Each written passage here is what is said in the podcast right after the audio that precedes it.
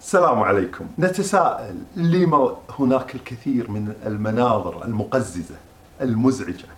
نشاهد هذا الشخص أعمى ونشاهد هذا الشخص مقطوع اليد ونتألم حينما نرى الأعرج ونتألم حين نرى المشاهد المؤلمة ونتساءل في أنفسنا لماذا نرى هذه المشاهد المؤلمة؟ الله الذي خلقكم من ضعف.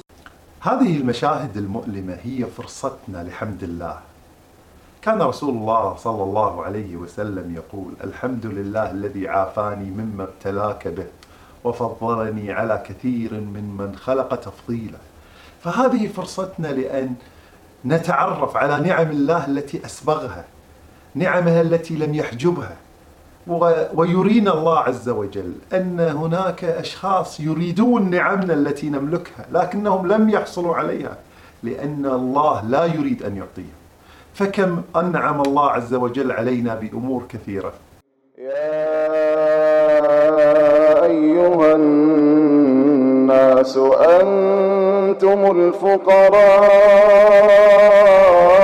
إلى الله. التعرف على نعم الله التي نتقلب فيها هو أول الطريق للقلب الشاكر الش- القلب الذي يملأه الحمد يملأه الثناء.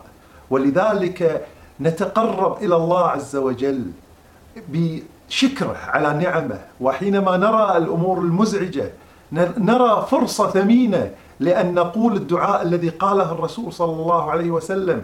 ثم في آخره قال ومن قال ذلك فلن يصبه ذلك البلاء. الله الذي خلقكم من ضعف ثم جعل من بعد ضعف قوة ثم جعل من بعد قوة ضعفا وشيبا يخلق ما يشاء وهو العليم القدير.